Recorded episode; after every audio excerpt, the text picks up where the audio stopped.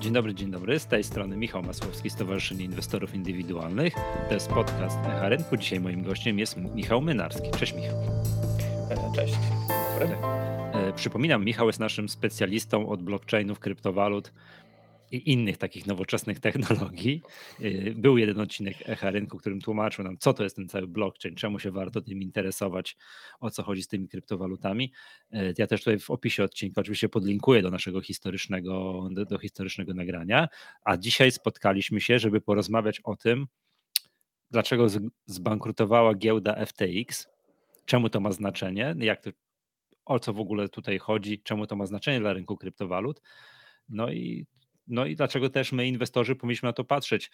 Powiedz mi, Michał, tak właśnie o co chodzi z tym, że zbankrutowała giełda FTX, bo ja fragment, który ja zanotowałem, to ten, że dzień przed Grand Prix Brazylii w Formule 1 zespół Mercedesa overnight przemalowywał bolidy, bo mieli jako sponsora tak, tak, FTX, FTX i już, i już bolidy następnego dnia wyjechały na tor, y, na tor wyjechały bez tego bez tego znaczenia. Śmialiśmy się ze znajomymi na Twitterze i bardzo dobrze będzie więcej miejsca na logotyp XTB.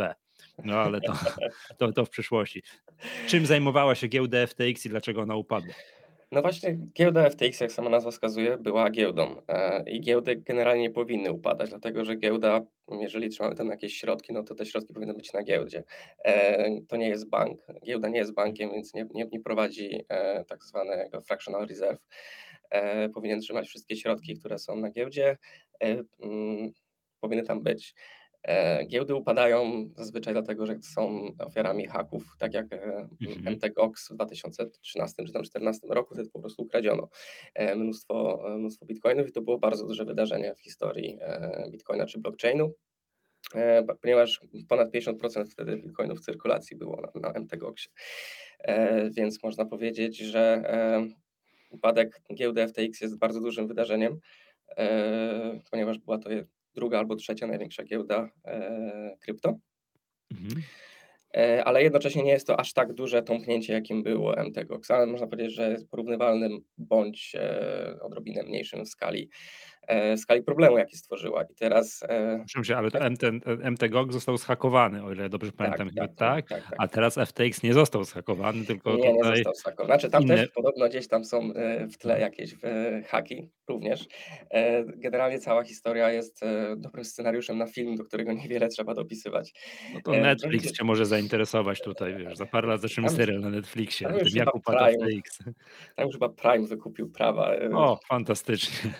I nie wiem nawet, czy autor książki The Big Short nie, nie, nie jeździł ostatnio, ostatnimi miesiącami za SBF-em. Były takie e, plotki, czytałem takie wypowiedzi, że faktycznie e, autor tej książki, już nie pamiętam jak się nazywał, e, ale faktycznie gdzieś tam z, z SBF-em, czyli samym Bankmanem Fried, jeździł, e, żeby obserwować, jak to jego imperium się rośnie. Jakby cała historia w ogóle, żeby wyjaśnić, powinniśmy się cofnąć trochę, 2-3 lata mm -hmm. temu. E, a nawet 4-5 lat temu, kiedy powstała Alameda Research. Alameda Research, chociaż ładnie się nazywa, to był tak naprawdę fundusz hedgingowy, który specjalizował się w inwestycji w kryptowaluty. E, on powstał w 2018 roku, e, czyli można powiedzieć, że w najgorszym momencie dla wartości kryptowalut po bańce w 2017 roku, kiedy rynek był na dnie, Ethereum stało po 100 dolarów, czy nawet 90 miejscami, no, od święta 2018 roku. E, takie, takie ceny. No i Alameda Research e, zrobiła dużo pieniędzy e, na tym, że rynek sobie tam powoli się odbijał. Mhm. Sam Bankman Fried, który założył Alamedę, jest graduate z MIT, tak, z Instytutu Technologii Massachusetts. Jest potomkiem dwóch wysoko wykształconych rodziców. No i zrobiwszy bardzo duże pieniądze dzięki Alameda Research, stwierdził, że to czas założyć giełdę. W 2020 roku założył giełdę FTX. E, I ta giełda dosyć szybko, założona na Bahamach, dosyć szybko zyskała dobrą trakcję, ponieważ to był dobry, dobry produkt, e, e, dzięki temu, że był na Bahamach i nie wpadał w jurysdykcję SEC amerykańskiego, to Security Exchange Commission. A to widzę, zacząć... to, przepraszam, zaletą czegoś tam, giełdy, było to, że nie podpada pod jurysdykcję SEC-u, tak? Pro, problem w tym jest, że to do tego w sumie dojdziemy, bo to jest też jeden z głównych wniosków, e, e, ale jeżeli nie podpadasz pod jurysdykcję SAC, no to możesz oferować takie rzeczy jak pożyczki pod zastaw, e, możesz oferować e, futuresy e, i tak naprawdę SAC nic, nic do tego. I inne cuda, które są niedozwolone, jakbyś wpadł pod Tak, albo, albo, albo w którym musisz wydać bardzo Mhm. dużo pieniędzy, żeby ci pozwolili to zro- robić w Tak, Stanach tak. Zjednoczonych. To jest na przykład problem, z którym się Coinbase i Kraken bardzo mają, ponieważ oni inwestują mnóstwo pieniędzy e, również w to, żeby właśnie z, pra- współpracować z regulatorami w Stanach Zjednoczonych, po to, żeby móc oferować produkty, które no, wypadałoby już e, m, oferować, właśnie pożyczki pod zastaw, e, wprowadzenie, e, wprowadzenie kart płatniczych podpiętych pod krypto, etc., etc. Mhm. No, w każdym razie powstał, powstał FTX, w którym, w którym wczesnym inwestorem był Binance. Binance Mhm. prowadzony przez pana, który jest znany na Twitterze, Twitterze jako CZ. E, I tak też będziemy się do niego odnosić. E, No i CZ zainwestował tam chyba 500 milionów e, w FTX-a. A po co mu była inwestycja w inną giełdę kryptowalut, skoro Binance jest chyba Binance jest największą giełdą kryptowalut na świecie? Tak, jest największą Mhm. giełdą kryptowalut na świecie, ma swoją odnogę w Stanach, nazywa się Binance US. FTX też Mhm. miał swoją odnogę w Stanach i to są odnogi, które właśnie są dla e, amerykańskich klientów i one muszą podlegać właśnie pod regulatora amerykańskiego, w związku z czym też e, ob- obowiązują ich inne prawa. E, w każdym razie mm, na początku listopada do portal Coindesk wypuszcza, wypuszcza takiego leak e, informacji, jak się trzyma Alameda Research, jeżeli chodzi o finanse. Okazuje się, że Alameda Research ma gigantyczną dziurę spowodowaną przez upadek e, najpierw Lu, Luny w, w maju tego roku, e, No potem Triaro Capital, który, które Luna pociągnęła za sobą. Przem ta Luna była głośna w Polsce, bo to jest to, co na czym Rafał Zaorski zarobił, więc to wtedy się sporo takich dinozaurów jak ja dowiedziało się, że to to była Luna i tak, że Luna, tak, jej algorytmiczny stablecoin UST, który po mhm, ataku walutowym o, stracił PEG, przez co wpada, wpadła rekurencja. E, No i po prostu wartość Luny zjechała do zera. To tak bardzo telegraficznym skrócie, ale mhm. generalnie upadek Luny pociągnął ze sobą wiele projektów i biznesów, e, wiele funduszy, takich jak Triaro Capital właśnie, e, czy, czy Celsius. No i te inwestycje spowodowały bardzo duże nadwyrężenie finansów Alamedy. E, No i okazało się, że Alameda w sumie ma dużo pożyczek i te pożyczki są pod zastaw tokenu FTT. Token FTT to jest token, e, który e, istnieje dzięki FTX-owi. FTX stworzył to, ten token i ten token jest do rozliczania feesów na przykład Co to znaczy? Że To znaczy, że- na przykład możemy, jak, jeżeli traduje, tradowaliśmy na FTX-ie, mhm. to feesy mogliśmy płacić z, z naszego salda z FTT. rachunku. Wiem, Tak, żeby nie płacić w dolarach, to płaciliśmy Albo go w bitcoinach na przykład. Ale do tego, jeżeli trzymałeś taki token FTT, no to miałeś sobie preferencyjne, preferencyjne stawki FIS-ów, e, opłat podczas tradingu. E, Jest odpowiednik e, tokenu FTT, nazywa się mm, BNB i to jest Binance'owy odpowiednik, mniej więcej służy do tego samego. Mhm. To jest taki wewnętrzny token. Michał, żebym ja dobrze rozumiał. Chodzi o mhm, to, że jak sobie klienci na tej giełdzie FTX handlowali kryptowalutami, to jak mhm. powiedzmy sobie sprzedawali jakieś kryptowaluty, to żeby nie, nie, nie wycofywać się do dolara, to wycofywali się do tego tokenu. Że to była taką jakby, nie wiem, Znaczy, bazową mm, walutą na te... nie do końca. To nie była, znaczy Mhm. pewnie można było, pewnie były pary e, na FTT. Bardziej chodzi o to, że e, to był taki jakby token lojalnościowy e, Mhm. dla tej giełdy. Mając go i, i go, można było mieć niższe fisy i te fisy na przykład w FTT były niższe niż fisy w Bitcoinie, więc A jeżeli on też był kupował, gdzieś notowany, miał jakąś wartość, czy był po prostu tak, taką, nazwijmy to, tak, tak. wewnętrzną walutą rozliczeniową? miał, miał wartość tam powiedzmy nie wiem, pod 30 dolarów. Dlatego, że jakby był, był incentive na to, żeby go trzymać, no bo jeżeli go mieliśmy, no to na giełdzie mieliśmy znacznie mniejsze fisy, więc te, te fisy mogliśmy w nim rozliczać, więc jeżeli robiliśmy duże zakupy bitcoina w tej nazad albo tra, e, tradowaliśmy po prostu day trading na FTX-ie, no to faktycznie gdzieś tam do kupy e, trzymanie FTT i rozliczanie się z giełdą e, na fisach przy jego użyciu e, miało sens. Korzystniejsze było, okej. Mhm. Tak, było korzystniejsze. E, No i okazało się, że e, Alam- Alameda Research ma pożyczki, bardzo duże pożyczki, rzędu setek milionów, jak nie miliardów, e, pod zastaw tego tokenu, który jakby, którego kontrola jest bardzo ściśle związana z giełdą. Ogólnie istnienie tych dwóch e, NC mm, trochę raziło na rynku krypto, trochę bardzo raziło przez pewien czas, dlatego że Alameda Research największym, była największą encją handlującą na FTX-ie, Mhm. przez co były bardzo duże podejrzenia, że ma dostęp do danych, które pozwalają po prostu frontrunnować klientów. Wiedział więcej. No, znam Jest to z innych rynków. Na Wall Street by to generalnie nie przeszło, albo byłyby duże problemy, żeby, te- żeby jedna osoba kontrolowała dwie encje, giełdę oraz duży fundusz hedgingowy, który na tej samej giełdzie gra. I w pewnym momencie, par, e, jakiś czas temu, e, sam Bankman-Fried wycofał się z zarządzania e, Ala- Alamedą, żeby skupić tylko na FTX-ie i też, żeby odeprzeć część tych. Więc e, sam Bankman-Fried wycofał się z zarządzania Alamedą, e, żeby właśnie e, trochę uciszyć głosy, które by sugerowały, że ten, ten, ten związek jest toksyczny dla całego rynku.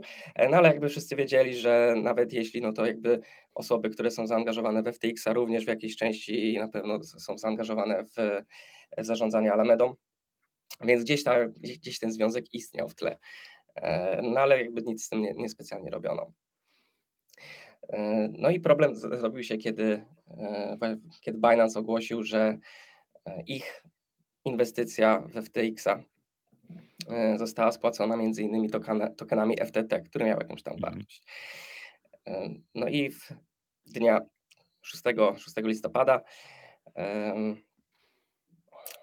pan e, CZ napisał na Twitterze, że w ramach e, Ten CZ, czyli właściciel Binance. Tak, właściciel Okej, Binance dobra, napisał na. Twitterze, że to jest, to jest czas, żeby dbając o, dbając o sytuację finansową jego giełdy i mając w pamięci to, co się działo w tym roku, czyli właśnie upadek Luny i tak dalej, zamierza pozbyć się FTT i będzie je sprzedawał na rynku. E, on miał go bardzo dużo, bo miał roughly 2,1 miliona, e, miliarda dolarów. No ale to tak, przepraszam, to to rozsądnie jest mówić, że najpierw się będzie sprzedawało, a potem się będzie sprzedawało, bo to sam No, sobie mógł wywołać taką panikę. Jeszcze wiesz, ja myślę, że to był bardzo... bardzo, zadziałał na swoją własną niekorzyść. ja myślę, że to był bardzo e, dobrze wyliczony, e, dobrze wyliczony Balon puszczony w powietrze. Tak, tak. To, no, powiedzmy sobie szczerze, no, Mhm. to, to, był, to był cios i to było pójście, pójście na Mhm. noże z SBF-em. I teraz pytanie, dlaczego nagle. E, no, SPF, okej, czyli właściciel FT, FTX. tak, O, sam za- pan na Zaczynam FTX. Mhm. Tak. No i jeszcze pozostaje pytanie, skąd, e, no bo jednym, jednym jest e, wyciek z sytuacji finansowej Alamedy i tego, że to wszystko wygląda jak balon, który bardzo łatwo przebić e, i CZ może mieć właśnie igłę, którym ten balon może przebić. Ale drugą sprawą jest to, że sam Bankman-Fried ostatnimi miesiącami bardzo dużo czasu spędzał w Waszyngtonie. W Waszyngtonie, gdzie lobbował nad e, projektem ustawy DCCPA. To był projekt ustawy, który ma, miał uregulować pewne kwestie związane właśnie z, z krypto, ale przede wszystkim z tak zwanym e, CeFi, czyli wszelkiego rodzaju giełdami, czyli centry, centralnymi punktami na rynku krypto, te- e, które pozwalają no nie tylko trzymać środki, ale wymieniać środki. E, czyli wszystkie giełdy takie jak Kraken, takie jak, takie jak Coinbase, e, czy Binance US, czy FTX US, żeby uregulować to w jakiś sensowny sposób. I e, sam nie tylko bardzo mocno lobbował, ale również e, no, zwyczajnie świecie wpłacał bardzo duże pieniądze odpowiednim organizacjom politycznym i odpowiednim politykom na to, żeby mm, żeby przepchnąć te DC- DCCPA. E, Gdzie problem się pojawił, to to, że Pomimo tego, że pełny, nie, nie wyciek pełny, mm, pełna treść tego, tego aktu, to sam Bankman-Fried e, przez cały rynek krypto i przez ludzi, którzy siedzą w krypto w, w Stanach Zjednoczonych, zaczął być postrzegany jako osoba, która próbuje sobie w ten sposób przekupić przychylność i w pewien sposób trochę ugrać monopol na, e, na działania związane z, z krypto na rynku amerykańskim. Stąd też e, można powiedzieć, pewien, pewien niesmak pozostał e, i w pewien sposób mm, rynek zaczął reagować trochę alergicznie na to, co sam Bankman-Fried e, próbuje zrobić. Myślę, że bardzo dużo też e, dorzuciło do ognia jego blog post, w którym zaczął tłumaczyć, dlaczego krypto powinno podlegać pod na przykład wymagania OFAC, tak, OFAC, czyli ciała, które sankcjonuje i wydaje sankcje dotyczące finansów, generalnie ciało amerykańskie, które odpowiada za sankcje, na przykład Mhm. nakłada sankcje na firmy, na kraje i tak dalej. E, I w, Trochę się, trochę się kłóci z ideą krypto, że to tak, no, tak, to się kłóci z ide- Mhm. mocno z ideą krypto. Um, No i w polemikę z tym tekstem, z tym blogpostem sama wszedł Erik Wurhus, Wurhis, który e, on ma takie bardzo podejście ideologiczne, libertariańskie do krypto, ma bardzo, silny, jest bardzo silnym ideologiem. No i on generalnie wyznaje zasadę, że krypto powstało po to, żeby takich ludzi jak SBF na tym rynku nie było. E, żeby nie było third party custodians, jak to mówić po, po angielsku. Że celem krypto samym sobie jest to, że to ja mam pełną kontrolę nad moimi e, środkami i jeżeli mam je wymieniać, to robię to na zdecentralizowanej giełdzie. Mhm. Więc background całej sytuacji jest taki, że zaczęły się pojawiać głosy, że sam Backman Fried próbuje sobie wylobować e, monopol u u regulatorów w Stanach Zjednoczonych. Stąd też zarzuty CZ puszczane na Twitterze, że Mm, nie podoba mu się to, co widzi i że niektórzy gracze na rynku wbijają nóż w plecy za plecami innym graczom na rynku.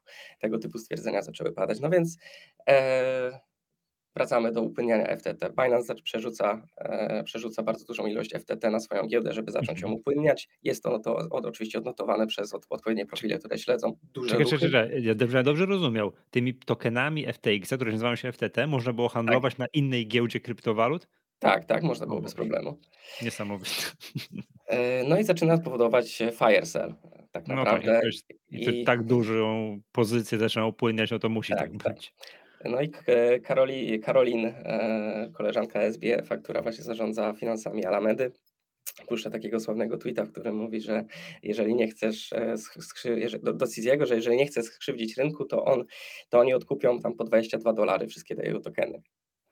To jest śmiesznym nawiązaniem swego czasu do tweeta, który dawno, dawno temu właśnie sam Bankman Fried puścił, e, puścił, napisał w odpowiedzi do jednego z krypto, nazwijmy ich influencerów, który powiedział, że będzie sprzedawał całą swoją Solanę. To był czas, kiedy Solana kosztowała mniej niż 5 dolarów i sam mhm. Bankman Fried napisał, e, że odkupię od ciebie całą, całą Solanę po 3 dolary sztuka, a potem możesz trzy gwiazdki.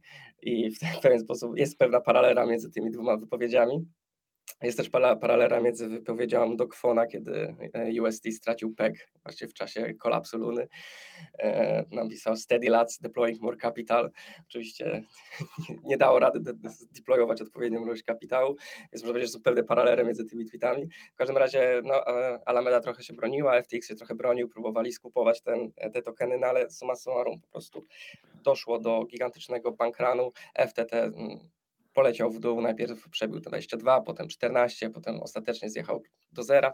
Zobacz, no przepraszam cię, tradycyjne banki kiedyś tam były, nie, nie było yy, odporne na tak, wiesz, ten ran na banki, tak? Nie były na to odporne, więc jak wszyscy klienci naraz zlecieli i powiedzieli wy, wypłacać moje dolary, to oni, ponieważ jakieś tam akcję kredytową prowadzą, nie mieli, nie miały tyle depozytów, to banki upadały. Takie rzeczy się w historii działy. W dzisiejszych czasach dzięki współpracy z w każdym kraju z jakimś bankiem centralnym, to banki są odporne. Nie, nie da rady już podobno w nowoczesnej gospodarce, w nowoczesnym powiedzmy sobie systemie bankowym wywrócić banku, no biegnąc do bankomatu, wypłacając wszystkie depozyty, czy jak tak dalej. Pytanie, jak teraz powiedziałeś w przypadku FTT, to FTX-a to nie jest takie, to przez to, że nie ma elementu nad, takiego wiesz, nadzorczego, centralnego i tak dalej, takie, taki numer można wywinąć. To znaczy, wiesz, cen, cen, bank centralny jest dlatego potrzebny, dlatego że prowadzony jest fractional reserve system. Jeżeli bank mhm. ma prawo do trzymania tylko procenta czy 10% depozytów, a resztą może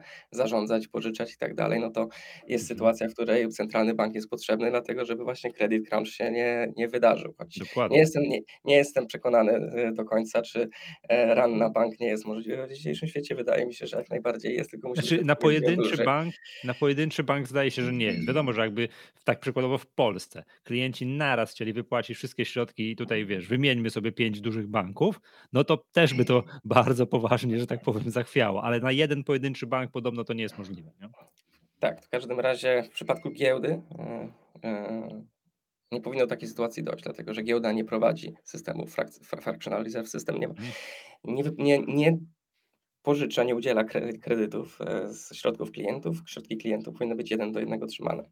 No i tu się okazuje, że na FTX nie tylko były nietrzymane, co już samo w sobie jest dosyć dużym złamaniem prawa, e, to jeszcze e, okazało się, że dziura, która, którą ten credit crunch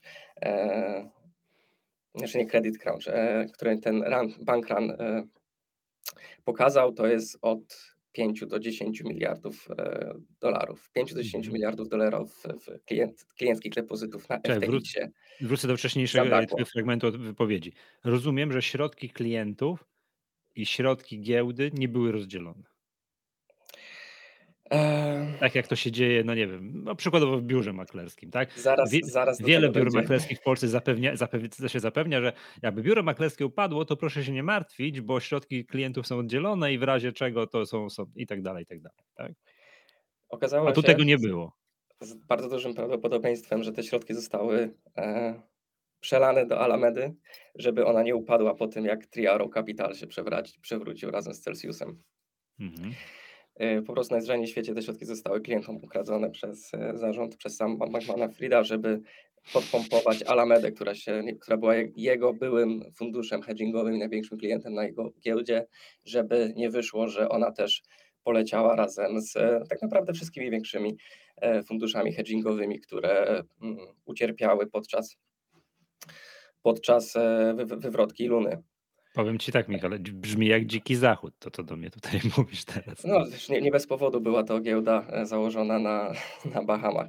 E, Problem w tym jest, że sam Bankman Fried jako osoba okazuje się, że pomimo tego, że był, kupił sobie e, bardzo dużą przychylność polityków, był e, drugim największym e, donorem na kampanię Bidena, miał afiliację z demokratami, e, lobbował i, i podkupywał, znaczy lobbo, podkupywanie, czy lobbowanie z podkupywaniem, Mhm. czy, czy mogę używać tych znamiennie, ale generalnie lobbował u e, senatorów obu stron politycznych, e, pomimo jej właśnie afiliacji bardziej jednak z demokratami. Kupił sobie przychylność mediów, między innymi moim zdaniem New York Timesa. A, a E, jaka to jest kwota? Jaka to jest kwota tego, Na, nie wiem, il, il, na, ile na, na Bidena na chyba Bidena, 50 no? milionów. 50 milionów poszło. Mhm. To rozumiem z klientów FTX-a. E, okazuje się, jest, jest, jest dużo podejrzenie, że tak. I nawet jest e, Mhm. na, pod, podczas podcastu e, Bankless, który bardzo polecam swoją drogą, a to jest amerykański podcast e, Mhm. poświęcony właśnie tematyce krypto. E, Wpadł, wpadł jako gość Brian Armstrong, to jest e, założyciel giełdy Binance, e, tfu, e, Coinbase. I właśnie padła tam taka bardzo ciekawa wypowiedź, że wszyscy w, e, wśród jakby założycieli giełd i generalnie z ludzi, którzy e, prezesów giełd i tak Mhm. dalej zastanawiali się skąd, skąd sam ma tyle pieniędzy na, na to, Mhm. żeby właśnie być sponsorem Mercedesa, żeby kupić stadion w Miami, tak? E, Być o. tytularnym, tytularnym e, sponsorem stadionu w Miami. Nie no, e, w ogóle, w ogóle powiem właśnie- ci tak, jak się ogląda wydarzenia sportowe, albo się ogląda, no nie, wydarzenia sportowe przede wszystkim, tak? No to jest właśnie tak, to, to nie mówię o FTX-ie już kiedyś, ale teraz, no nie wiem, zlecą Mistrzostwa Świata w piłce nożnej, to mnóstwo, Crypto.com. mnóstwo firm mm, związanych z branżą krypto jest gdzieś, jest gdzieś yy, no obecne. No Crypto.com dokładnie, na tych wszystkich banerach bocznych się świeci, tak? Jak Formuła 1 leci, to też gdzieś to Crypto.com tam przelatuje, więc widać, że w Tak branży krypto są ogromne pieniądze. Kto sponsoruje jakieś, jakieś drużyny NBA? Crypto.com też sponsorował, czy FTX? To też zdaje się, to, to się Tego dzieje. Skąd oni mają tyle pieniędzy? No właśnie okazało się, że wiadomo skąd FTX miał te pieniądze. Em, oczywiście ciężko teraz powiedzieć, że okej, to wszystko poszło z, nie, nie z FIS-ów, Mhm. tylko z, Tak. Z, e, pie- z pieniędzy klientów. ale generalnie okazuje się, że było zainteresowanie właśnie między innymi y, przez zarządy innych giełd, jakby skąd te pieniądze, dlaczego my tych pieniędzy tak, w takiej ilości nie mamy jak ma FTX, skoro prowadzimy Mhm. ten sam biznes, w dodatku jeszcze uregulowany w Stanach Zjednoczonych. E, No bo Kraken czy Coinbase no to są giełdy, które są normalnie w Stanach Zjednoczonych. Coinbase jest już przecież notowany Mhm. na, Tak. e, na Nasdaqu. No, dokładnie. Em, I pomimo tego, że to jest bardzo jakby profit, profit, dużo profitów jest na tym rynku, no to nie można powiedzieć, że to są pieniądze, które by pozwalały nagle po prostu urosnąć do takich rozmiarów. W każdym razie ta historia ma da- dalszy ciąg. Mhm. od- Kiedy wydarzył się bankrun i okazało się, że no nie ma tych pieniędzy, że jakby woda odpłynęła i stoi, stoimy bez gaci. Mhm. E, to sam Bankman Fried próbował na Wall Street i w Silicon Valley zebrać trochę kapitału, tam po miliardzie, ale oczywiście wszyscy już raczej tego gorącego kartofla zrzucali między sobą. E, No i To takie ostatecznie... drobne, a tak po miliardzie. Niesamowite. Brzmi to po prostu jak. Gigantyczne kwoty e, Tak. tak naprawdę. Ciężko sobie e, uzmysłowić, ale no, różnica między milionem a miliardem to jest jednak razy 10 do trzeciej. Tak. To jest gigantyczne. Jakieś właśnie widziałem takie fajne porównanie, że gdybyś dostawało tam wiem, złotówkę przez, przez y, milion sekund, to tam dosyć szybko by wpadł milion. E, tam nie wiem, to jest kwestia paru dni, ale jeżeli miliard chcielibyśmy zbierać, to jest kwestia na przykład 30 lat. W każdym razie no, to są potężne kwoty, których brakuje za, których zabrakło, no i ostatecznie można powiedzieć, że sam ugiął kolano i zadzwonił właśnie do, do CZ, pytając, czy nie chce poratować, nie? czy nie chce kupić po prostu giełdy, tak żeby po prostu e, też pieniądze dla, dla klientów się znalazły. No i wtedy powstał, jakby oboje się zgodzili, opublikowali e, wpisy, w których e, zapewniają, że mm, został podpisany letter of intent, tak, żeby przyjrzeć się temu, e, czy będzie taka w ogóle fuzja możliwa.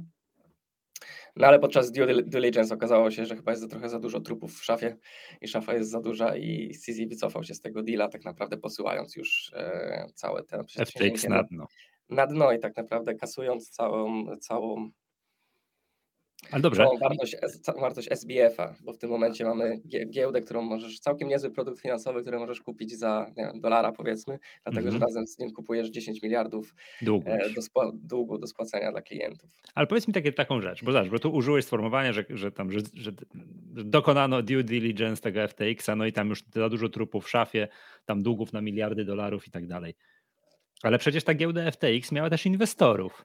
Jakieś fundusze, tak, takie specy... Między innymi BlackRocka. No o, o, o, poważne fundusze, poważne, nazwa, którą znam. To przecież te fundusze inwestując, no nie drobne, tak? Nie, nie pojedyncze. Setki milionów chyba. No setki milionów każdy z nich, oczywiście, że tak. To jest Wall Street, nie? To tam, tam drobne nie, nie, nie latają, to nie polska giełda. Więc tam też inwestowały w te, w FTX-a te takie poważne kwoty. Ja też słyszałem, że jakieś pojedyncze fundusze po 200 milionów i tak dalej.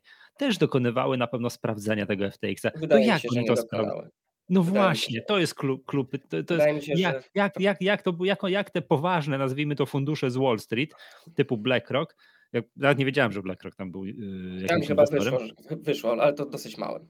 Gdzieś, gdzieś tam po drodze wyszło, że chyba. No dosyć małym, na pewno coś na 10. że Sequoia, Sequoia jestem pewien o, i Sequoia dokładnie dużo tak. pieniędzy tam wstawiła. Jak oni to, jak oni to badali? Wiesz co, ja nie znam się na rynku wielkich finansów, ale pamiętam, że w Shorcie była taka ja scena, była taka scena z, z, z, z jak jedli sushi w Las Vegas mhm. i tam gościu od, od CDO się przechwalał, jak tak naprawdę ubierają ten sam produkt e, finansowy i sprzedają go, i on był, e, sprzedają go swoim klientom i on reprezentował klientów, ale opłacany był przez banki, które sprzedawały tym klientom te CDOs. Więc mam wrażenie, że... Podoba. z Big Short pamiętam taki fragment, jak ktoś tam, nie pamiętam kto, y, potrzebował ratingu i wszedł do jednej firmy i wiedział, że jak w tej firmie nie dostanie, tam, to, to jak tam, to pójdzie do drugiej po prostu ulicę dalej, prawda? I jednak ten zapłaci i ten rating dostanie, więc ta pierwsza pierwsza firma wiedząc o tym, to, to po prostu ten rating przyjmowała tak. dolary, wydawała odpowiedniej jakości rating i tak to się kręciło. Generalnie na Twitterze śmigał pitch deck Alamedy z wczesnych jej tam lat, mm. kiedy zbierali kapitał no to muszę powiedzieć, że to był to śmiech na sali. Tekst, tam były napisane teksty typu gwarantowany zysk, tam zero, zero ryzyka, etc., etc. Bo po Przypomina prostu, sprzedaż obligacji Getbacku i też pewnego tak, słynnego bo... audytora, który badał te wszystkie dokumenty przed debiutem tak, Getbacku na giełdzie. Także odpowiedzi jasnej na to, jak Sequoia dała się umoczyć, złapać w tym wszystkim, nie wiem, ale też mhm. E, na przykład jeden z pension fundów, chyba z Ontario, on e, też zainwestował tam i to jest pytanie, dlaczego w ogóle ktoś stwierdził, że będzie tak zwanym kryptodegenem i pieniądze z funduszu emerytalnego wrzuci w giełdę, która jest zlokalizowana na Bahamach. Po tym, jak rzucił w jej, w jej tam branż, branż w Stanach Zjednoczonych. W każdym razie no, doszło do. No, SBF się przewrócił, pieniędzy brakuje. Mnóstwo ludzi potraciło mnóstwo pieniędzy i będzie bardzo trudno odzyskać. Jeżeli u, e, FTX e, został złożony pod, pozew o bankructwo, tak, jakby chapter 11 został złożony, um, więc niedługo się pewnie wszystkiego dowiemy i, i, ludzie odzyskają może w najlepszym wypadku jakieś parę centów na dolar, który, te, który tam mieli. Mhm. W każdym razie z takich jeszcze dużych ciekawostek moim zdaniem, które warto odnotować jest to, że e, bankructwem e, SBF, e, nie SBF, tylko FTX-a zajmuje się ten sam pan, który zajmował się sprzątaniem po Enronie. O. Ko kojarzysz chyba. Wiś. E, No i on napisał coś takiego w swoim, w pierwszym jakimś po przejrzeniu finansów firmy, że w życiu nie widział takie, tak źle prowadzonych albo w ogóle olanych, zignorowanych kwestii jakiejś podstawowej higieny finansów, jak to było w przypadku, e, w przypadku FTX-a, że można było kupować rzeczy. Hmm, że, w życiu, że w życiu nie widział e, tak zaniedbanych kwestii finansów w żadnej spółce. E, tak jak właśnie mówiłeś wcześniej, że te finanse, środki klientów i środki spółki powinny być rozdzielone, prawdopodobnie nie były. Prawdopodobnie były używane według widzi się CEO. Do sponsorowania zespołu Mercedesa. Do sponsorowania, mhm. ale nie tylko, tam bardzo też duże zakupy nieruchomości na Bahamach e, zostały przez FTX e, przeprowadzone. E, pracownicy FTX kupowali nieruchomości korzystając ze środków firmy i mogli już różnie kupować inne rzeczy i na potwierdzeniem była emotka na komunikatorze, który w dodatku był ustawiony na automatyczne znikanie tam wiadomości po paru godzinach czy paru dniach. Aha, żeby potwierdzić, że dobra, że ja mogę sobie coś tam kupić, tak, tak mogę sobie kupić emotkę, za 20 to... milionów, to jak dostałaś kciuka, kciuka w górę do wiadomości, znaczy, że mogłeś sobie pójść i kupić. Także pasuje, skala, mi, pasuje mi taki model. Skala patologii, która tak, tam tak. była i o której będziemy się dowiadywać w ciągu, w ciągu najbliższych e, tygodni, raz, wraz w połączeniu z tym, e, że właśnie w tym samym czasie, ma, mając tą dziurę i używając tych środków, e, ten człowiek był u regulatorów w Waszyngtonie i kupczył ich tymi pieniędzmi, żeby uregulować rynek na korzyść jego firmy i mieć taki mały monopol.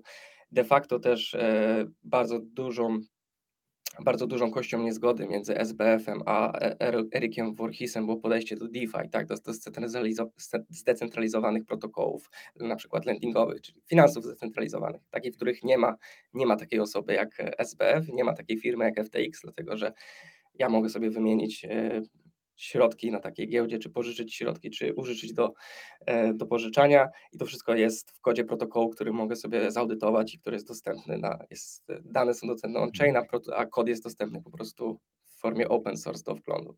Na tym mniej więcej polega DeFi.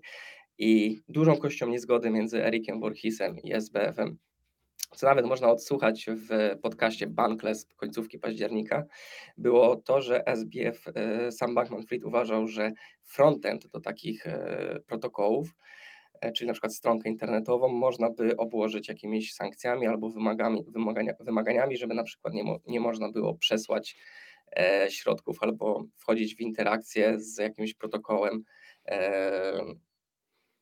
który jest na przykład na liście sankcji. Na zasadzie, że sam protokół możesz obsługiwać, e, ale nie możesz tego robić przez jakiś frontend i frontend byłby licencjonowany. Żeby uzmysłowić, to jest jakby pomysł, żeby e, uregulowane były e, klienci mailowi. Jakby sam protokół nie, ale jakby klient mailowy, żeby był uregulowany. Czyli na przykład Gmail, czy nie wiem, twoja aplikacja do maila, żeby ona była uregulowana na poziomie prawnym, co można, mhm. gdzie możesz wysyłać maila, a gdzie nie do tego odpowiednik próbował e, wylobbować e, SBF właśnie w Waszyngtonie i o to się między innymi, może nie pokłócili, ale mieli bardzo gorącą dyskusję Eric Voorhees e, z, z SBF-em. To wszystko do kupy się działo, podczas gdy dziura w Alamedzie i w gigantyczne, tak naprawdę kradzież środków odbywała się mhm. na Bahama u, u FTX-a. Sam jest wiele jeszcze pytań, na przykład dlaczego ten człowiek nie jest jeszcze w kajdankach, bo Bahamas nie ma, Bahamy nie mają chyba prawa ekstradycji do, do Stanów Zjednoczonych, więc jestem zdziwiony, że nie został wysłany żaden Batman, żeby go stamtąd ściągnąć. E, Barney Madoff w ciągu 24 godzin był w kajdankach, a tutaj gościu tak naprawdę zrobił dziurę na 10 miliardów, nakradł na 10 miliardów pieniędzy i i tweetuje sobie spokojnie to tweetuję, to jest mało powiedziane. Ja, ja czytam artykuł New York Timesa, że e, upadek krypto, upadek giełdy FTX spowodował, że SBF nie będzie mógł wdrażać swojego efektywnego altruizmu i nie będzie mógł tam kreować swojej wizji świata, tak zwane puff articles, jak to jest po angielsku jest napisane, które ewidentnie są zwrotem z inwestycji, w którą SBF poczynił w niektóre media. Nie dalej jak 2-3 dni temu ten człowiek występował na, na wydarzeniu organizowanym przez New York Times, gdzie, gdzie Aaron Sorkin go tam wypytywał o różne rzeczy. Co prawda zdalnie, no bo nie pojawi okay. się raczej, ale sam fakt, że on dalej Ktoś go zaprasza, jest jakiś wywiad, to się dzieje, tak, tak? tak jakby, a co zrobiłeś z tymi pieniędzmi? No nie wiem, no trochę mieliśmy zły risk management, nie? Co jest, akt, to jest akt, to są, ja nie żartuję, to są, to są teksty, które można sobie posłuchać w wywiadzie, który e, mniej więcej w tym samym czasie się pojawił. Um, no, skala po prostu malwersacji jest nie do pojęcia dla mnie I, i fakt, że dalej ten człowiek jeszcze sobie tweetuje i występuje na wydarzeniach hostowanych przez New York Times, gdzie może sobie poopowiadać o tym, jak te pieniądze, no to w sumie jego wina, ale trochę pokpili, risk management, co jest, co jest nieprawdą. No nie poszło, no, zły dzień mieliśmy. Eee, no bo to nie jest kwestia risk managementu, nie? To jest kwestia po prostu przesłania pieniędzy. Nie Wykonywania przelewów z konta firmowego, z tak. pieniędzmi klientów gdzieś. Tak, tak? tak. Aczkolwiek no, są mhm. głosy, że to jest po prostu też już gadka pod prawników, przez prawników, że Jasne. To, to nie jest tak, że... No. Powiedz mi takie coś, bo no, czyta się artykuły, tak? To nie wiem, mhm. Forbes pisze, poważne media piszą, że Upadek giełdy FTX to poważny cios w rynek krypto. Takie wiesz, tak poszło w świat wśród, mówię, do takich dinozaurów jak ja, że już kiedyś pamiętam, rozmawiałem z Tomkiem Jaroszkiem, że mm, wyszłam po rozmowie z tobą, że ja to może bym coś zainwestował w to krypto, bo może ja jestem takim dinozaurem, że ja tego nie rozumiem, tak, ale może ja się mylę. Może jednak to jest przyszłość i wiesz, za 20 lat moje dzieci, wnuki będą się śmiały ze mnie, że oj, tata, trzeba było tam w 2020 którymś inwestować w krypto i tak dalej. Więc może, może ja bym chciał mieć procent w jakimś tam niewielki procent w, w, w aktywach krypto, ale to jest taki rynek, jak tutaj widać, tu może zostać okradzionym, zanim się jeszcze zainwestuje. No jak to jest z tym zaufaniem do branży krypto? No to, to teraz, no wiesz, jak wyświetlimy sobie wykres Bitcoina za ostatnie, no nie wiem, no kilka miesięcy, za ostatni rok, no to on wygląda smutno, tak? No tak, ale to wyświetlimy sobie za ostatnie 10 lat, to wygląda lepiej. Nie? Oczywiście time frame aktualnie, no aktualnie są po prostu spadki, no, no, pieniądz uciekł, e, co było dosyć do, do, do, przewidzenia, jakby jesteśmy mniej więcej rok po tym, jak, jak rynek osiągnął mhm. maksima, to był listopad zeszłego roku. Mhm. Więc tak, jak najbardziej, no, no wygląda smutno I, i tak samo wyglądał w 2017 roku, tu widzimy piękny podwójny szczyt, tak, Ma, maj tak. i listopad zeszłego roku. E, więc ja się zgadzam.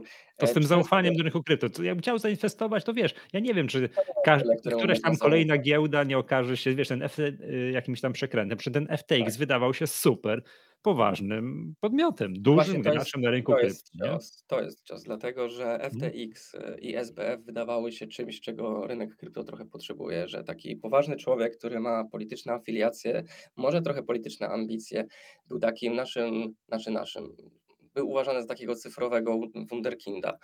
E, chłopak po MIT, młody, z fajnym mhm. pomysłem, który prezentował się właśnie. E, A młody to ile on ma lat? Żeby tak dopytam. 28-30, coś takiego. Teraz to jest ten, ma. To jest ten przedział, mhm. nie? Jest w moim wieku. E, I to jest potężny Z mojego punktu widzenia to junior.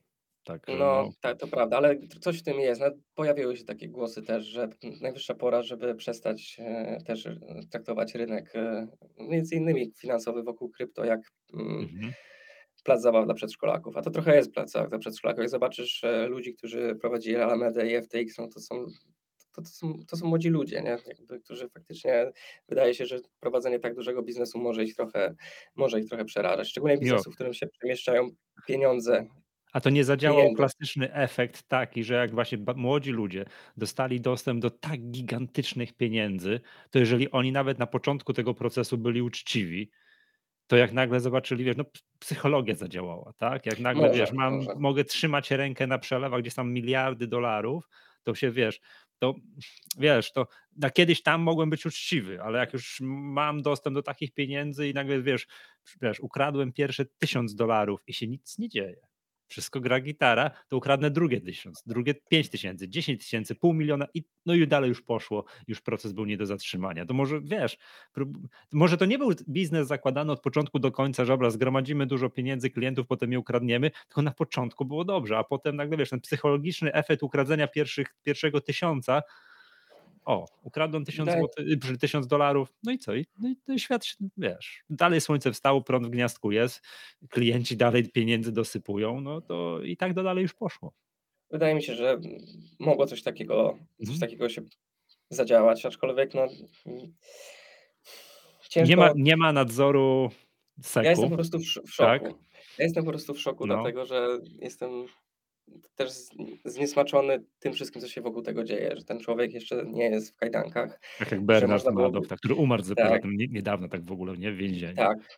Em, jak po prostu ten jak ten człowiek oszukał też mnóstwo Mhm. mnóstwo osób i tak najzwyczajniej w świecie też nie tylko inwestorów czy klientów, ale, e, to promowanie siebie jako właśnie, e, reprezentanta idei, e e effective altruism, tak, czyli takiego Samarytanina współczesnego, em, gdzie okazuje się, że to nie działa, jeżeli trzeba kupić chatę za 120 baniek na Bahamach. E, nawet z tego co wiem, to środowisko ludzi, którzy są tam zebrani wokół ideologii, e, te tego takiego samarytaństwa współczesnego, no to są dosyć, e, pod delikatnie mówiąc, podirytowani tą tym, co się wyd wydarzyło, no bo to też rzuca bardzo złe światło na, na całą ideologię, nie? Tak, no. W każdym razie, e, pytałeś, czy to jest, e, czy to jest duży problem. Tak, uważam, że to jest bardzo Mhm. duży problem, ale nie nie finansowy, dlatego że rynek rynek sobie poradzi. Rynek wychodził z kradzieży na Bitfinexie, rynek wychodził z z MTGOX-a.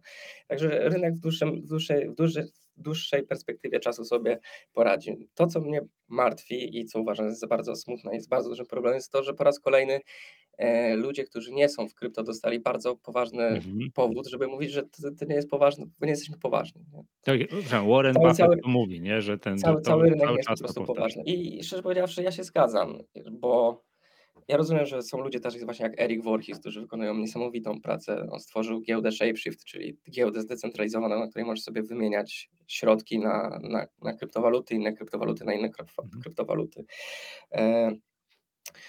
Ludzie tacy jak e, właśnie właściciele BlockFi, czy właściciele e, Coinbase'a, czy Krakena, którzy wydają mnóstwo pieniędzy na prawników, żeby stworzyć jakieś warunki regulatorskie, żeby ten Mhm. faktycznie rynek w Stanach Zjednoczonych to jest kluczowy rynek, jeżeli tam jeżeli na tym rynku będą mogły powstawać nowoczesne produkty związane z kryptowalutami, no to, to jesteśmy w domu, a jeżeli one cały czas będą musiały być wypychane na właśnie Bahama, czy do Singapuru, czy gdzieś indziej, no to my się też prosimy o to, żeby takie rzeczy się działy Mhm. bo nie tworząc, jeżeli SAC nie stworzy warunków, żeby te produkty, których rynek chce i potrzebuje, powstały i były uregulowane przez nich w normalny sposób, no to one będą powstały gdzieś indziej, Na Bahama. na Dokładnie. Bahama. A Inną to, kwestią jest, dlaczego SAC się nie, nie zainteresował wcześniej. Przecież było powszechnie wiadomo, że ma, masa klientów z USA ma konta na FTX-ie. Jeżeli ma konta na FTX-ie i FTX albo jakiekolwiek e, encja poza Stanami Zjednoczonymi wie, że obsługuje klientów ze Stanów Zjednoczonych, no to tak naprawdę SAC ma możliwości działania na, na, na to. Dlatego powstały, dlatego powstały bra- branże FT, FTX US i, i dlatego jest branch e, Binance US, ale one mają tak naprawdę, to jest procent procenta e, ruchu, który jest na, na, na tych giełdach dużych. mhm. W każdym razie wracając, bo znowu odbiegłem. Tak, uważam, że to jest bardzo duży problem. Problem zaufania. Po raz kolejny, e, szczególnie przez ostatnie 2-3 lata, rynek, pomimo tego, że bardzo fajnie się rozwijał, pojawiły się fajne rzeczy, właśnie takie zdecentralizowane protokoły, pojawiło się mnóstwo osób, które po prostu no, trzeba nazwać, nazwać zwyczajnie świecie z kamerami, którzy nacią- naciągają ludzi, upłynniają potem na nich w szczycie rzeczy, tokeny, które, na które ich namówili, e, influencerzy, ludzie, którzy założyli kapi, e, właśnie fundusze hedgingowe, które eksplodowały, implodowały, bo nie potrafili nimi zarządzać, jak Kyle Davis, e, jak, e, jak ludzie, którzy byli odpowiedzialni za Triarch Capital i oni teraz wszyscy siedzą pochowani po jakichś Indonezjach, czy jakichś innych Emiratach Arabskich, czy Dubajach. Więc tak, uważam, że to jest bardzo duży problem, ponieważ po raz kolejny cały rynek krypto wypadł niepoważnie. Jest Mhm. bardzo duży problem, dlatego że mnóstwo ludzi straciło bardzo dużo pieniędzy i oni niechętnie wrócą. A i i przede wszystkim uważam, że to jest problem, dlatego że po raz kolejny eksplodowało coś, czego w definicji krypto ma się pozbyć, czyli właśnie central custodians. Jakby Mhm. krypto powstało po to, żeby takich osób jak SBF nie było, żeby nie trzeba było powierzać swoich pieniędzy komuś, jeżeli chce się na przykład dokonać jakiejś wymiany, żeby nie trzeba było powierzyć swoich pieniędzy komuś, jeżeli chce się, e, nie wiem, udostępnić swój kap- kapitał do pożyczania. E, No i przede wszystkim, że nie trzeba powierzać swoich pieniędzy komuś, żeby płacić w sklepie. Mhm. I teraz nie, nie każdym muszę, razem, kiedy... wiem, bo ja muszę powierzyć moje pieniądze bankowi, jeżeli chcę zapłacić w sklepie. To rozumiem, że o, tak w tak, tak. tradycyjnym I, takim i, i modelu wizie, płatności. tak, i Tak. wizie na Mhm. przykład e, Mhm. i tak dalej. No dobrze, A to takie pytanie miałbym. To jak, y, no bo wiadomo, kryzys jest, no, opisałeś to bardzo pięknie, to, to, to ta końcówka twojej wypowiedzi super. Y, Powiedz mi coś takiego, jakby jednak jakiś ktoś chciał, dobra, ja uważam, że jednak powinienem mieć jakiś procent kapitału w tych kryptoaktywach, mhm. no chcę, to co robić, nie wiem, na co zwracać uwagę, żeby się jednak no, nie, nie pakować no, w tego typu interesy jak FTX. No dobrze, to po takiej bardzo negatywnej wypowiedzi, to teraz chciałbym mm, może Mhm. trochę e, światła słonecznego wrzucę. E, przede wszystkim e, widziałem takie bardzo fajne porównanie, żeby traktować giełdy, które pozwalają na wymianę pieniędzy, pieniądza fiducjarnego na kryptowalutę, na przykład, żeby traktować jak jacuzzi. Wchodzisz i wychodzisz. Nie siedzisz tam trzy godziny i nie, wiem, nie robisz sobie paznokci. I tak, tak powinieneś traktować giełdę. Jakby wchodzę z jakimś kapitałem, dokonuję wymiany i, i wychodzę. Na swój prywatny portfel. portfel. Tak, Tak, no. najlepiej hardware'owy. Czy nie trzymam pieniędzy Nie, w długim terminie na giełdzie? absolutnie nie. Ani duży, Okej. jeżeli, jeżeli ktoś nas słucha i jest aktywnym inwestorem e, w kryptowaluty i jeżeli posiada dużą część swojego kapitału w kryptowalutach na jakiejś giełdzie, a nie daj Boże na jakiejś giełdzie, która właśnie nie podlega pod SAC albo nie jest Mhm. zlokalizowana w Europie, to robi to źle.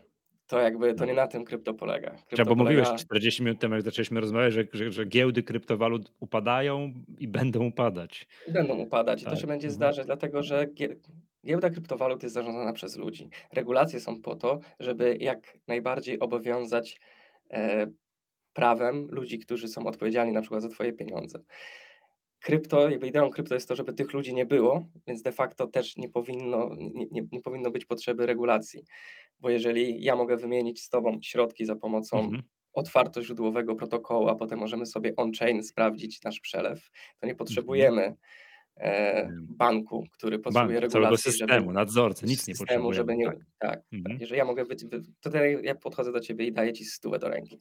Nikogo po Mhm. drodze nie musi być. Tak jest. No i kryp, krypto jakby jest. Krypto ma być ideologicznie, ma być daniem daniem między sobą stówą do, stówą do ręki Tylko nie musimy się spotykać. W cyfrowym świecie, tak? Jakby Mhm. przez internet. I to jest jakby to jest piękna idea. Ale no, po drodze mamy kilka problemów. Promyczkiem słońca jest to, że po tym wszystkim e, bardzo duży odpływ jest środków z giełd scentralizowanych.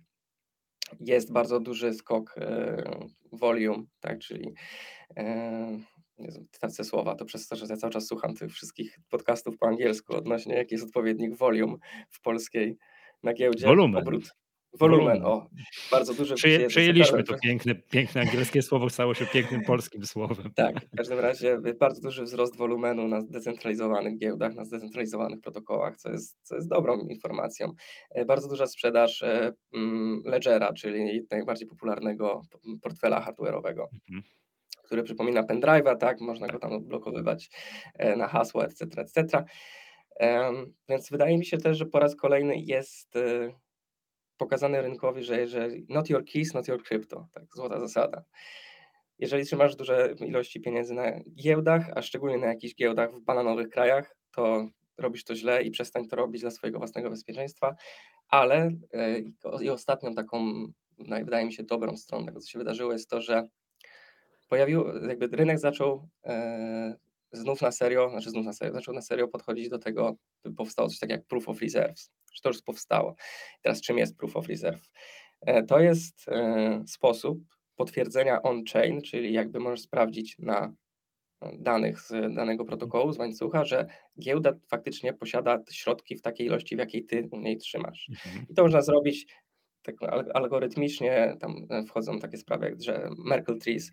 Generalnie no jest, jest to trochę zaawansowane technicznie, ale na przykład Kraken amerykański wysyła do swoich klientów maila z linkiem, gdzie mogą sobie sprawdzić on-chain, że te, że te środki, które oni wpuścili na tą giełdę, wpłacili na tą giełdę w takiej ilości, one tam są, nie zostały nigdzie pożyczone. Więc e, to jest pierwsza część, a druga to jest proof of liabilities, czyli jakby dowód na posiadanie zobowiązań. No i to jest jakby od drugiej strony e, też podejście. I jeżeli zaczniemy na serio podchodzić jako rynek do takich rzeczy, jeżeli nasi, nasze cent- centralni gracze, tacy jak właśnie jak, jak giełdy między innymi, będą oferowały klientom zarówno proof of reserve i proof of liabilities, to na pewno podniesie ogólne bezpieczeństwo w systemie, bo będziesz widział, że te pieniądze po prostu nie znikały. E, I takie proof of reserve i proof of liabilities można przeprowadzić audyt. Audyt się przeprowadza tak, że podczas audytu jest, e, na przykład giełda musi przelać na, e, między jednym a drugim portfelem pieniądze, żeby, było, żeby udowodniła, że ona kontroluje klucze do jednego i do drugiego. I w ten sposób mhm. jakby udowadnia, że, że te rezerwy są. Okej, nie zmienia to, to tego, że my jako inwestorzy powinniśmy być ostrożni. Twój przykład z jacuzzi, nie siedzimy w jacuzzi 3 godziny, tylko wchodzimy, robimy transakcje i, i tak. wychodzimy. Tak. tak, i to też jest dobry incentyw na to, żeby faktycznie zacząć działać na rynku e, zdecentralizowanych finansów, nie? bo na, na, rynku zdecentralizowanych finansów tak naprawdę podpinamy swój portfel i to też nigdy nie powinien być portfel, na którym trzymamy wszystkie swoje środki. Pamiętajmy o tym. Tak samo jak nie chodzimy z plecakiem ze wszystkimi pieniędzmi z szafy, żeby zapłacić za chleb, tylko idziemy z portfelem, w którym mamy stówę. Tak. I tak, Pamiętajmy, że jak chcemy na przykład przesyłać gdzieś jakieś pieniądze, albo właśnie chcemy mm, mm, wchodzić w interakcję z jakimiś protokołami właśnie do pożyczania, czy do, nie wiem, do właśnie przesyłania, y, no to czy, czy do wymiany na przykład z jednego tokena na, na inny, to używajmy jednak y, jeszcze jakiegoś hot walletu do tego, nie, nie, nie, nie naszym głównym safe'em. Eee, tak. Rozumiem. Michale, bardzo serdecznie Ci dziękuję. E, Im bliżej końca, tym więcej rozumiałem. Tak.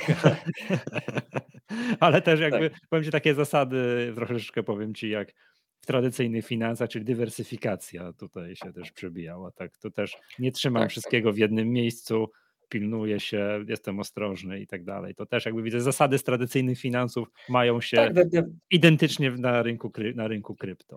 Zdecydowanie, no i tutaj nawet jeszcze bardziej, dlatego że to faktycznie przerzuca twoją odpowiedzialność, przerzuca odpowiedzialność za twoje finanse na ciebie. Jakby tak, jeszcze bardziej. Mhm. Pozbywamy się tych wszystkich encji pośredniczących, ale e, no jakby musimy też wziąć na siebie sporą część odpowiedzialności za to. Oczywiście nie każdy jest z tym ok, dlatego nigdy do końca się nie pozbędziemy centralnych e, mhm. graczy, takich jak giełdy, czy, czy, czy banki, czy jakieś instytucje finansowe, e, czy fintechy opakowane wokół krypto. Ale stwórzmy też jakiś dobry framework, e, który pozwoli nam sprawdzać, czy oni nie są gracza, złymi graczami na rynku, którzy nie robią takich rzeczy, jak robił SBF. I stwórzmy też regulacje, ale dla tych centralnych NC, tak żeby oni mogli wprowadzać uczciwe produkty i w uczciwy sposób faktycznie operować na rynku i e, operować środkami klientów. W innym przypadku tworzymy sobie takie patologiczne sytuacje, w których produkty powstają poza naszymi e, możliwościami regulatorskimi, no i dochodzi do implozji. Tak, bez możliwości sprawdzenia i tak dalej, tak. o których tutaj mówiłeś. Dobrze, bardzo serdecznie dziękuję. E, obyśmy się, Michale, spotykali częściej, a nie, a nie tylko przy okazji. W lepszych okolicznościach. Tak, w lepszych okolicznościach, a nie przy okazji, że jakaś duża, poważna, znaczy poważna, w cudzysłowie poważna, wydawało się, że poważna, duża, duża giełda, znacząca, giełda. znacząca giełda kryptowalut upada. Proszę Państwa, moim i Państwa gościem był Michał Mynarski, nazywam się Michał Masłowski. Do usłyszenia i do zobaczenia Dzięki następnym wielkie. razem. Cześć.